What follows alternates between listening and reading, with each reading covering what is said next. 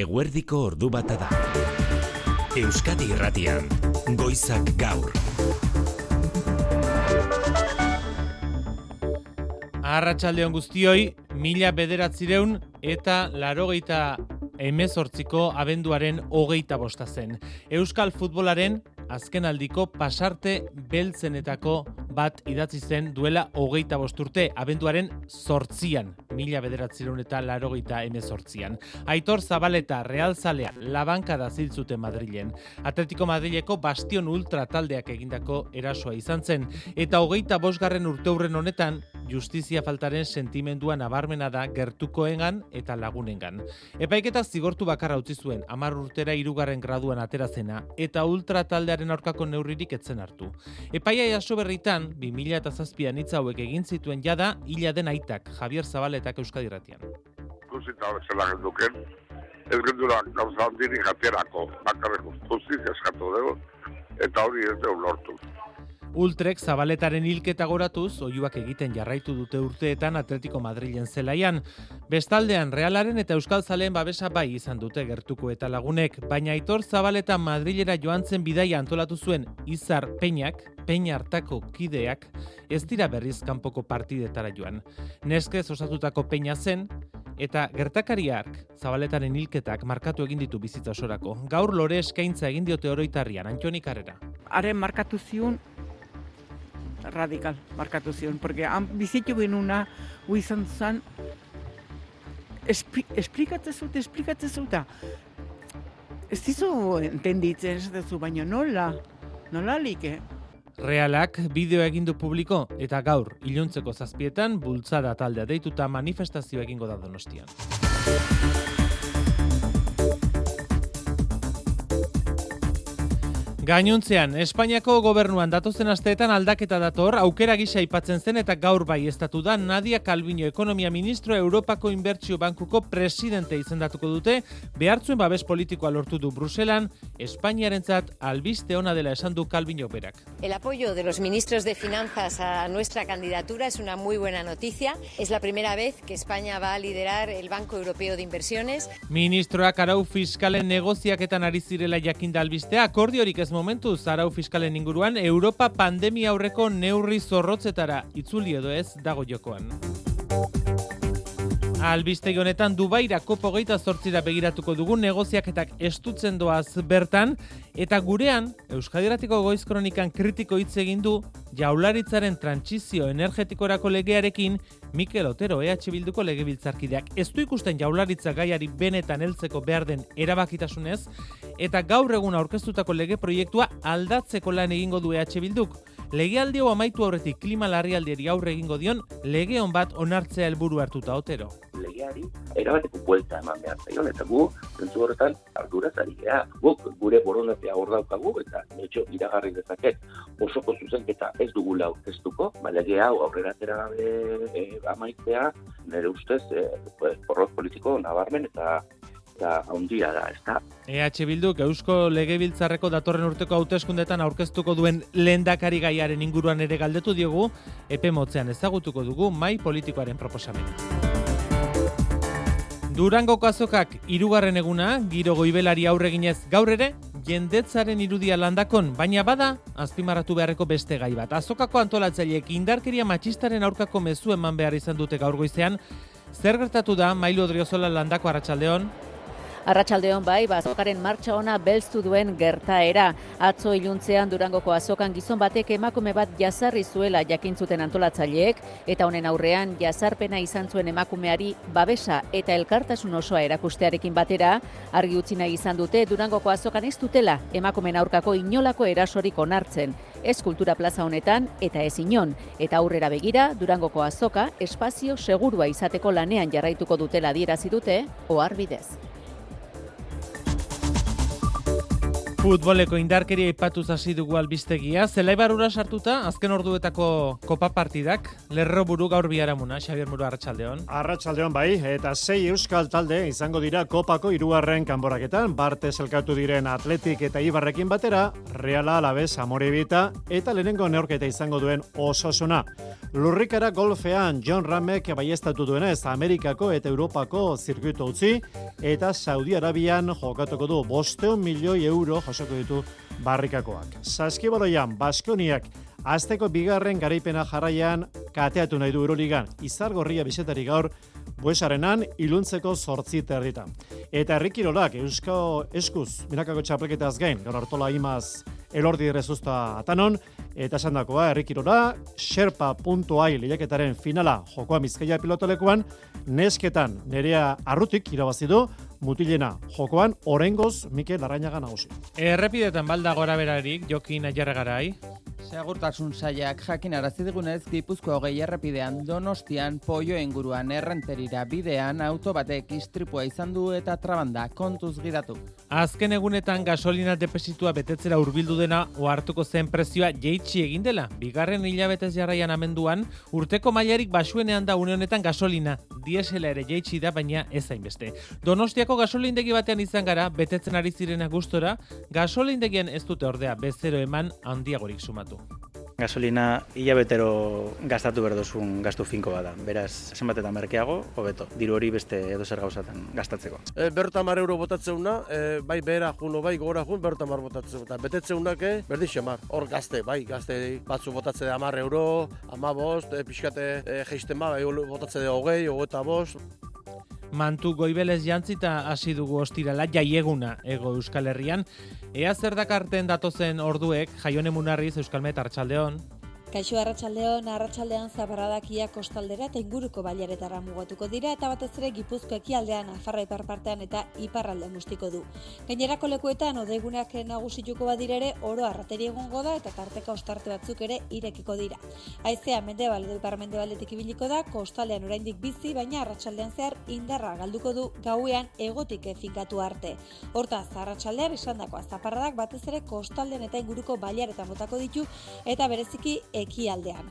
Asteburuan berriz e, temperaturaren gorakada nabarmenduko da, batez ere igandean. Mikel Fonseca eta Joseba Arzeluz ditugu teknikan eta errealizazioan, ostirala, baina ego Euskal Herrian, ia denentzat jaieguna dugun egun honetan, aktualitate badu nundik helduaz gaitezen. Euskadi Irratian, Goizak Gaur, Igotza Alkorta. Eta gaza dugu abia puntu. Sueten eskariei murriz muzin eginda, azken hogeita laborduetan, lareun eta berrogeita amar palestina rilditu Israelek hainbat erasotan, gazan eta Cisjordanian ostera ere, baita errefusiatuen kanpalekuetan ere, nazio batuen segurtasun kontseiluak aztergai izango du gaur egoera naiz eta sueten aukerakuneotan urruti dirudien. Azken orduetan, sare sozialen bitartez, Israelgo armada berak zabaldu dituen irudiak jarri du izpidea, bertan ageri dira atxiloketa masiboetan dozenaka gizonezko. Biluzik, begiak estalita, lubaki baten ertzean bota beharko balituzte bezala. Jaso dezagun, azken ordukoa ekialde urbileko berri maile Mikel Aiestaran. Arratxaldeo, Mikel? Arratxaldeon, Israelek bombardaketen intentsitateari eusten die eta laureon da berrogeita mar helbururi eraso die azken orduetan. Jan zerrendaren hegoaldean operazio gune nagusia izan da gaur ere. Gerrako bi hilabete hauetan hildakoak emezazpi mila, baino gehiago dira gehienak emakumeak eta aurrak. Amerikako estatu batuetako estatu idazkariak Anthony Blinkenek berriro ere Israeli eskatu dio zibilak babesteko eta laguntza eta erregai gehiago sartzen usteko. Israeldarrek diote azken helburua jamasekin amaitzea dela, baina gerra gazatarren aurkako zigor kolektibo bat bihurtu da, lurrez, itxasoz eta airez blokeatuta eta txedenik gabe bombardatuta. Nazio batuek deitoratu dute zerrendan duten laguntza programa egoera honetan ez dela operatiboa eta suetena eskatu dute laguntza sartu eta banatu ahal izateko. Eguneko albiste positiboa da Israelek iragarri duela Kerem Shalomeko pasabidea irekiko duela kamioiak ikuskatzeko eta horrek bizkortu egin dezake kamioiak sartzeko erritmoa. Europar batasuneko atzerri ministroek maigainan dute Cisjordania osoan Palestinarrei eraso egiten ari diren kolonoen aurka neurriak hartzea, baina badirudi ez dela aurreraterako, arratsalderako iragarri dute dena den gaiaz prentsaurrekoa. Israelen erasoek nazio nazioarteko gobernuetan hainbeste ez, baina milioika pertsona atera dituzte kaleetara protesta munduan azken asteetan. Eta gurean gaur, Gernika Palestina ekimenak antolatuta, Gernikan bertan ari dira Israelen genozidioa jo duten asalatzeko ekitaldiak egiten. Einau telorrietak, kentzazpiren Gernika kantua ere moldatu du, Gernika gaza bihurtuz. Solo zabal, Aurelio legarreta, katxalin narrieta, Gernikan, bezin zanen Ikram benziane abeslari palestinarra lagun entzun berri da kantu hau Gernikan. Hiru bat mila lagun elkartu dira giza mosaiko bat eginez, Picassoren Gernika eta Palestinako bandera irudikatuz.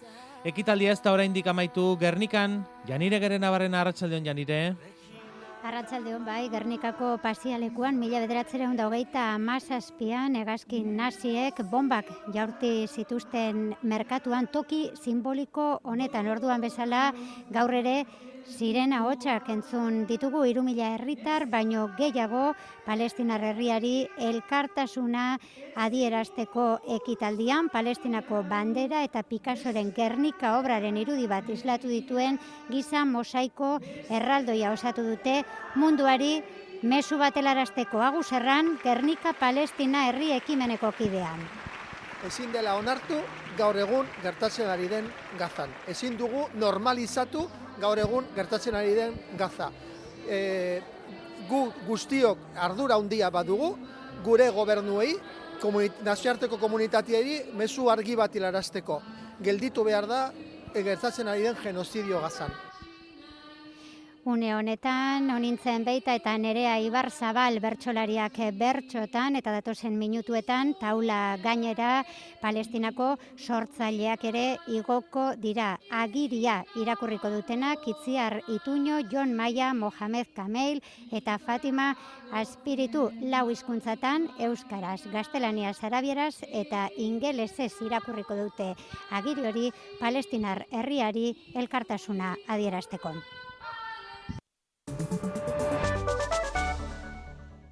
Gaurko egunak efemeride bat badakar, aitor zabaletaren hilketaren hogeita bosgarren urte arena. Mila bederatzireun eta larogeita emezortziko abenduaren zortzian Euskal Futbolaren historiako gertakari beltzenetako bat jaso zen. Atletico Madrilen estadiotek gertu Madrilen realeko jalaetzai talde bat inguratu egin zuten bastion izeneko ultra talde batek. Bertan, labankada sartu zioten Aitor Zabaletari ordu gutxitara hiltzen. Hogeita zortzi urte zituen Donostiarrak neskalagunak ide zuen Izar Peñak antolatutako bidaia batean joan zen Madrilera, orduan gertatutakoaz epaiketaz urteotan jasandako irainez eta Aitor Zabaletaren irudiak gaur egun realaren zatuen esanaiaz erreportaje egin du Patxirigoien lankideak. Ilusio handiakin gure errelan koloreak ba munduan zehar ikusi nahian, ezta? Ba Madridera joan Maider Gorostidi, Izar Peñako presidenteak gogoan du ilusioz gainezka Madrilera egindako bidaia. Realak UEFan beste urrats bat ematea zuen xede, anuetan bi eta bat koltsoneroak menderatu eta gero joaneko partidan. Itzulikoa geratzen zen ordea eta ilusioa zirrara amets gaizto bihurtu zen. Polizi municipal bati galetu genion, ea ba, noa jungin jazken, ba, zerbait jartzea ez, eta beak esan zigun juntzat alako taberna, han ondo, ondo eta ez. Parador izeneko taberna, garaian frente atletikoko ultra radikalenak bertan miltzen ziren. Udaltzainak ez bezala tabernatik gertu futboleko bufandak saltzen zituen emakume batek bere postua utzi eta realtzaleei ohartarazpena egin zien handik alde egitea hobezutela. Ordurako ordea berandu zen, paradorretik atera bezala inguratuta zeuden. Ja teatzen eginean eginean hantzen zauden denak, ezta? Gure gure zain nola baite, ba guri bozer gauza gaitzeko. Orduan bai izan zela momentuak, segunduak, altzunak, aldeinak itea handik korrika aldeitzeko, ezta? Argi dago. Euskalduna ginalako izan duzala. Etzan izan futbol afizio desberdinek arteko liskar bat, ez ez, aik etorri zian gure gana, euskalduna ginalako eta euskaldun bat Madriden garai hartan oso oso gaizki ikusi ja zeolako, ezta? Nola ala lortu zuten kalderonera iristea gainontzekoek. Armaila mailara sartu aurretik realtzale guztien aldartea belztu zen, bitartean realtzale bat labana zerasotu zutela komunikabide guztietan zabaltzen hasi zen. Partido hua suspenditu martzan. Eta gero kanpo futbolian partidu guztian zehar sortu zen ambiente guzti haua jasangaitza zan. Etzan ez errezein. Etxera bueltan, autobusean jakintzuten denek aitor zabaleta hiltzela.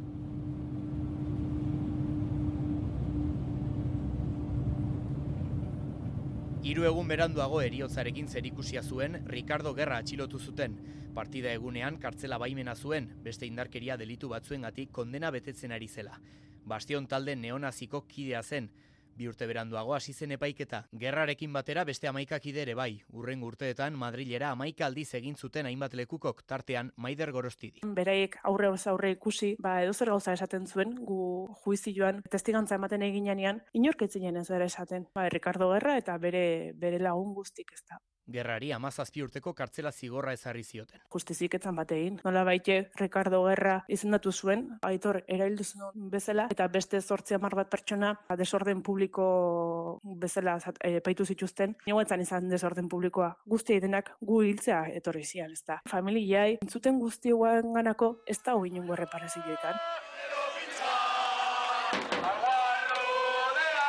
Hogeita bost urte beranduago eta oraindik ere egindako azarro, Zibitas Metropolitanon Aitor Zabal eta irainduz gupidari gabe kantatzen duten bitartean, gorosti uste du kirolean indarkeriaren aurkako ikur badela Aitor Zabaleta. Aitor Zabaleta izenak atzetikan gauza asko akartza, eta nola baite violentzia horren kontra edo bentsat sensibilizazio maila bat nik uste lortu dala, ez, gertatu zanarekin. Baina hortxen galitzen da, ez, azkenian, ba, Aitor hemengo adeu, Euskalduna, nahiz eta, ez dakit, estatu mailan eta ez dakit banik zenbatainoko izangoan. Eta horren adierazle garbiena, ano, eta eraberritu zenean, bultzadaren armailari Aitor Zabaleta izena jarri izana.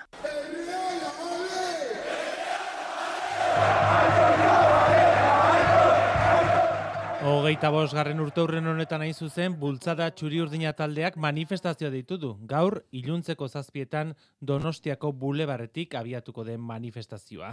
Beste euskal taldea hainbatetako zaletuek bat egin dute deialdi horrekin, realak klub bezala abenduaren amazazpian egingo diomenaldia aitor zabaletari beti senorkako partida baliatuta.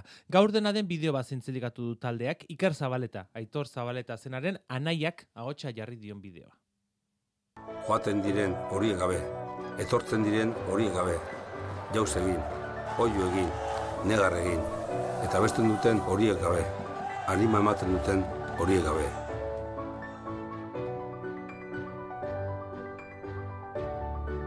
Den dena ematen duten horiek gabe, ez genuen ezer edukiko. Eta urte hurren boro honetan, Izar Peñako kideek Madrilerako bidaia hori egin zuten hainbatek lore eskaintza egin berri diote anoeta kanpoaldean zabaletaren omenez jarria dagoen oroitarrian Bertan izan da Xavier Urteaga Arratsaldeon Xavier. Arratsaldeon bai, lore urdinak eta zuriak aitor zabaleta gogoratzeko realak jarritako lore sortaren ondoan utzi dute beraiena izarpeinako kidek urteroko moduan. Realaren bufanda soinean malkoak begietan Antoni Carrera izarpeinako kideak urtero parte hartzen du zabaletaren omenaldian. Sentimentua latza, porque aitor juntzan, hil zuten, eta gu gaude hemen, zer du, hau, baina zaio aztuko. Denborak ez ditu ezabatu egunari lotutako oroitzapenak erreportajean entzun berri dugun moduan izulerako bidaia esate baterako. Radioa jarrita zakan txoferrak eta aitor hiltzala. Hango karrese jaua, jendiak, ua baina zaitaztuko. Karrese jaua.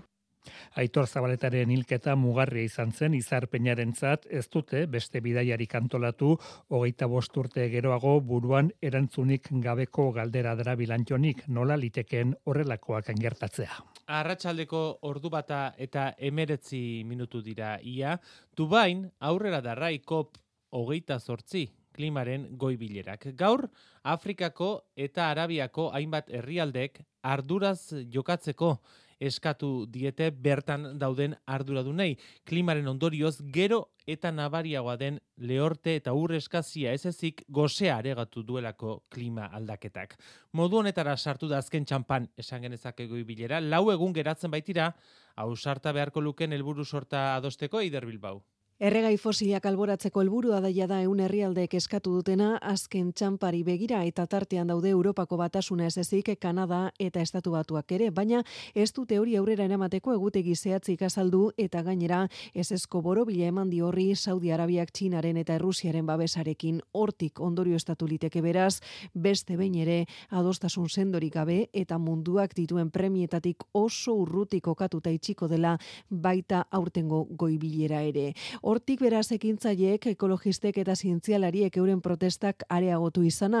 Azken orduotan, Scientist Rebellion zientzialarien eta ekologisten taldeak gutun egindu publiko herritarrei implikazio handiagoa eskatuz.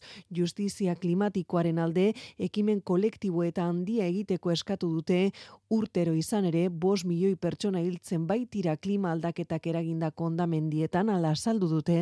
Every year die prematurely because of climate catastrophe and way more people are to die if we don't act. Bos milioi pertsona hiltzen dira urtero urtero eta gehiago ere izan litezke beraz asmo honeko mezuen gainetik konponbiderako benetako urratsak behar direla azpimarratu dute. Euskal Autonomia Erkidegoan transizio energetikoaren legea onartzea ezinbesteko jo du Mikel Otero EH Bilduko lege biltzarkideak. Lege onartu gabe lege aldia bukatuko balitz porrot politikoa.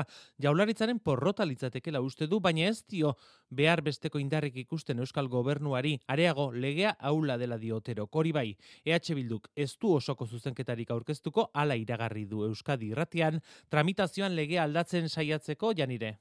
Keskatuta agertu da Mikel Otero EH Bilduko legebiltzarkidea funtsesko jotzen duen trantzizio energetikoaren legea aurrera ateratzeko denboraz larri ibiliko delako Eusko Legebiltzarra. Alik eta indar politiko gehienen babesarekin onartu beharreko legea dela iritzita iragarri du EH Bilduk ez duela osoko zuzenketarik aurkeztuko. Legeari erabateko buelta eman behar zaion, eta gu, zentzu horretan, arduraz ari geha. Guk gure borondatea hor daukagu, eta betxo iragarri dezaket osoko zuzenketa ez dugula aurkeztuko, balege hau aurrera atera gabe e, amaitzea, nire ustez, e, porrot politiko nabarmen eta eta handia da, ez da. Jeltzale eta sozialistek aurkeztutako lege proposamena ambizio gutxikoa dela iritzita lege hori lege biltzarrean eraldatzeko ahalegin egingo du EH Bilduk. Klima larrialdiaren aurrean bestalde, baliabide fosilak bastertu eta energia berriztagarrien aldeko apustu egingo du. Lehentasunez, ba, beste eskala batzuetako energia berriztagarrian bideratu behar dira, gure industria mugitu behar da energetikoki, gure zerbitzu publikoak mugitu behar dira energetikoki, beste goza gara, nola egiten den, ezta? Zer nola egiten den, hor asko dago jokoan. Eta batez ere, ikuste hemen dagoela gauko nagusietako bat, ea energia hori nork, nola eta zertarako bideratuko duen, ze prezioetan bideratuko duen. Energia demokratizatzeko beharra azpimarratu du oterok. Goazen Bruselara, urte amaitzear da Europar Parlamentuaren legealdia ere azken hilabetetan, eta negoziak eta beteko aste eta ordua ditugu, Amaia Portugal Arratsaldeon. Arratxaldean. Azken orduetan aipatu dugu amaia inteligentzia artifiziala arautzeko aintzindaria izan daiteken lege bat onartzeko negoziaketak aurreratuta daudela hor Europarlamentuaren eta estatukiden artean, goizeko bederatzietan berrekin zaio gaurko elkarrizketari, baina oraindik kezuririk ez da, segurtasunaren eta askatasunaren arteko eztabaidan nunbait katramilatuta jarraitzen dute. Bai, hor horrek aurkitzea dagakoa, negoziazioan dauden iturriak baikorari dira hitz egiten. Gaur akordioa izango dela eta ura iragartzeko prentxaurrekoa emango dutela arratsaldean, baina esan dute ere goizeko bederatzietan berrabiarazi dituzten elkarrizketa horiek luze joko dutela, bost eta zazpi ordu artean bai behintzat. Atzo, hogeita bi orduren ondoren lortu zuten adostea estatukidek eta eurodiputatuek nola arautuko dituzten txat GPTaren gixako tresnak oraindik garatzen eta goia jo gabe daudenak orain ez da nola elkarlotu herritarren oinarrizko eskubideak eta segurtasuna. Izan ere, tresna biometrikoak espazio publikoan erabiltzeari dagokionez, eurodiputatuek erabat debak, debekatu nahi dute horiek denbora errealean baliatu ahal izatea esaterako delitu baten susmagarri den pertsona bat unean bertan atxilotzeko. Baina estatukidek salbu espenak nahi dituzte segurtasunaren izenean adibidez ustez mehatxua handikoa den pertsona baten bila ari direnean. Bi ardura horien artean oreka aurkitzea izango dagakoa akordioa lortzeko eta adimen artifizialaren lehen lege integrala munduan Europar batasunak sortuko duela bermatzeko gainerako entzat aurrekaria izan nahi bai dute. Ea gaur, iristen den ba akordio hori kontatuko dizuegu. Beste negoziak eta batera albiste izan da horrazken orduetan. Honetan ere momentuz akordiorik ez, pandemia dela eta bertan bera utzi zituen Europar batasunak berau ezaugarritu duten arau fiskal zorrotzak zor publikoari eustea esigitzen zutenak eta urtarrilan ostera itzuliko dira arau horiek. Baina aurrerantzean malguagoak izatea nahi du Europako batzordeak eta ez da hori amaia estatu guztien gustokoa. Hori da, kasu honetan badakigu da emaitza ez dugula gaur izango, akordioa ez dela gaur izango, barta fari luzea izan dute ekonomia eta finantza ministroek aurrelanak egiteko, baina kontsulta legalak eta teknikoak egiteko tarte bat behar dute orain. Elitekena da, abenduaren emezortziko astean ezoiko kontseilua deitzea, arau fiskal berri horieko onartzeko, baina idatzizko prozedura bidez ere egin dezakete, hori bai, aurten egitea da helburua, esan bezala arau fiskalak bai alabai, urtarriaren batean berraktibatuko dituztelako izan zarrak edo izan berriak. Estatukide askok Frantziak eta Espainiak tartean ez dituzte inola zerebeteko arau zorrotz zahar horiek, zor publikoa barne produktu gordinaren euneko irurogeiaren azpitik kokatzea alegia eta defizita euneko iruaren azpitik. Baina Alemaniak gutxieneko etxeko lan batzuk behintzat ezarri nahi dizkie. Frantziak bat egingo luke jarrera horrekin zor publikoari dagokionez, baina gutxienez defizitari dagokionez malguago jokatzeko prest baldin badago Alemania. Kontseiura sartu denean, Bruno Lemer, ekonomia ministroak esan du, Alemaniarekin euneko laro eta egiten dutela bat jada. Avant le Conseil, nous étions d'accord à 90% sur les nouvelles règles du pacte de stabilité et de croissance. Nous sommes désormais d'accord à 95%.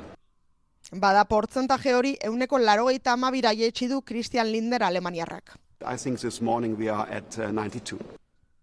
Zor publikoan nola estutu, inbertsioetarako tartea utzita, hor aurkitu beharko du oreka Nadia Calviño debatearen moderatzaileak. Nadia Calviño gidatzen ditu bai negoziazio horiek Espainiak Europako txandakako presidentzia duelako, baina ez du luzaro jarraituko Espainiako gobernuan, gaur jakinda bei Europako inbertsio bankuko presidente izateko behar beste babes baduela, garaipen diplomatikoa da Sánchezen gobernuaren zat Madrid Mikel Arregi Arratxaldeon.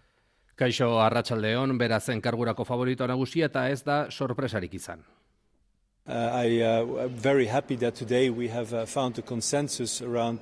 Belgikako uh, ekonomia ministroak bizen ban petekemek emandu Nadia Calvinoren izendapenaren berri goizeko lehen orduan. Orain arte Espainiako ekonomia presidente orde izan dena Europako inbertsio bankuko presidente izango da izango den lehen emakumea da. Erakunde honek Europar batasuneko politika estrategikoak finantzatzeko ardura du eta datozen urtetan trantsizio ekologikoaz edo Ukrainaren berrereikitzeaz arduratu beharko da. Bere behin bere izendapen izendapena ezagututa, Nadia Calviño Pozik. Este nombramiento eh, confirma el Bere izendapenak Espainiak Europan duen ospe ona erakusten duela nabarmendu du. Bide beretik Pedro Sánchezek Calviño sare sozialetan zorion du eta aurrerantzean faltan botako duela ere aipatu du. Izan ere, 2018an kargura iritsi zenetik Calviño Sánchezen presidente orde izan da eta orain Europar Inbertsio Bankuko presidentzia hartzen duenean gobernuko karguari uko egin beharko dio. Dena ondo bidean abenduaren hogeita maika baino lehen agutzi beharko du gobernua Calviñok eta aste hauetako tartea izango du Sánchezek haren oinordekoa bilatzeko. Arratxaldeko ordu bata eta ia hogeita zortzi minutu, Durango kazoka ere ez da indarkeria matxistati salbu, sarreran aipatu dizuegun moduan, jazarpen kasu bat salatu dute azokako antolatzaileek. Albiste garratz horrekin hasi da irugarren eguna, baina giro goibelari aurre eginez, jende faltarik ez gaur ere landakon. Eta bereziki, Aurtengo leloari jarraiki gazteak erakartzeko eguna da gaurkoa, bigarren urtez gazte estanda egingo da gaur, Euskara Aventurarekin elkarlanean. Horrez gain, iazko sorben meikaren emaitza ikusteko egunare izan da, eukaliptu, santzarki edo pieza eskenikoa. Landako, mailu drezelaren ganagoa zostera, arratsaldeo mailu. Bai, arratsaldeon. Bueno, ba, jendetsua ari da izaten aurtengo azoka fantasia guztiak gaindituz, gaur goizean tarteka ateak itxi behar izan dituzte, jende gehiagirik ez pilatzeko landako gune honetan eta bozgorailuetatik eskatu zaie erosketak egin dituztenei ateratzeko, ba, kanpoan dagoen jendea sartu dadin e, horrelako egoera irugarren egun honetan, eta irugarren egun honetan aurkeztu da esan bezala eukaliptus antzeslana. Jonander Urresti, sortzaileak garatu duena, azokak berak emandako sormen bekari esker. Eukaliptoek duten eragina eta honen aurrean dauden kontraesanak eraman ditu estenara, antzerkia, dantza eta musika uztartuz. Jonan derurresti. Saiatzen gara eukaliptun inguruen dausen gatazka gehienak plazaratzen modu e, konfliktibo baten publikuntzat, hau da, e, berentan sortzi, ui, ni non nau, ni, ni zer nahi, aiba, nik hau itzen dut, bai, nik hau dut, aiba. E, laguntzen, ba, bai, kontraesetan sakonduten eta eukaliptu egaz dakun begiradie edo harremana apur bat komplejizatzen. Eta azokan dagoen jendetzaren artean gaur gazte asko ikusi ditugu izan ere gazte estanda eguna da gaurkoa gazteek ere azokan tokia dutela erakusten duen eguna. Irune de la Maza, Euskara Venturako kidea da. Guk uste dugu Durango kasoka badala gaztentzako plaza bat eh, baita ere, Durango kasoka kontoratzailek ere horrela uste dute. Eta esan genuen, bueno, hemen zeu zer egin behar dugu, egitarau bat e, findu behar dugu gaztentzako, ba, hauek erakartzeko eta erakusteko, joe, asoka ere badala gaztentzako plaza bat, ez? Hemendik aurrera eurentzat prestatutako egitarauaz gozatzeko aukera izango dute. Ordu biterritan baskari haukagu, e, horre egun bat lagune izen eman dute, eta bueno, oso posik haude zenbakiarekin egia esan. Eta horren ostean bingo musikatu bat antolatu dugu, eta bingo musikatu horretan daude ba, urten e, asokako berrikuntzak eta nobedadeak, eta gero gauen ba, kontzertua DJ madarikatuak euskagu, eta bueno, ba, horre ja farra momentu apur bat. Beno eta gainerako entzatzer, ba besteak beste lider Hernando Kedo eta Carmele Jaiok beren liburuak aurkeztuko dituzte, archipelagoa komikia era aurkeztuko da eta plateruenan itaka, sara sozaia edota tok arituko dira zuzenean.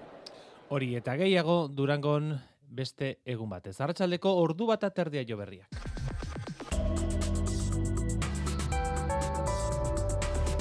Euskadi Irratian eguraldia eta trafikoa. Errepidetan uneotan ez dago inolako arazorik, segurtasun sailaren arabera, eguraldira gaurpen hau egin digu Euskalmeten, jaion emunarrizek. Narratxaldean zabarradakia kostaldera eta inguruko baiaretara mugatuko dira, eta batez ere gipuzko ekialdean afarra iparpartean eta iparraldean guztiko du.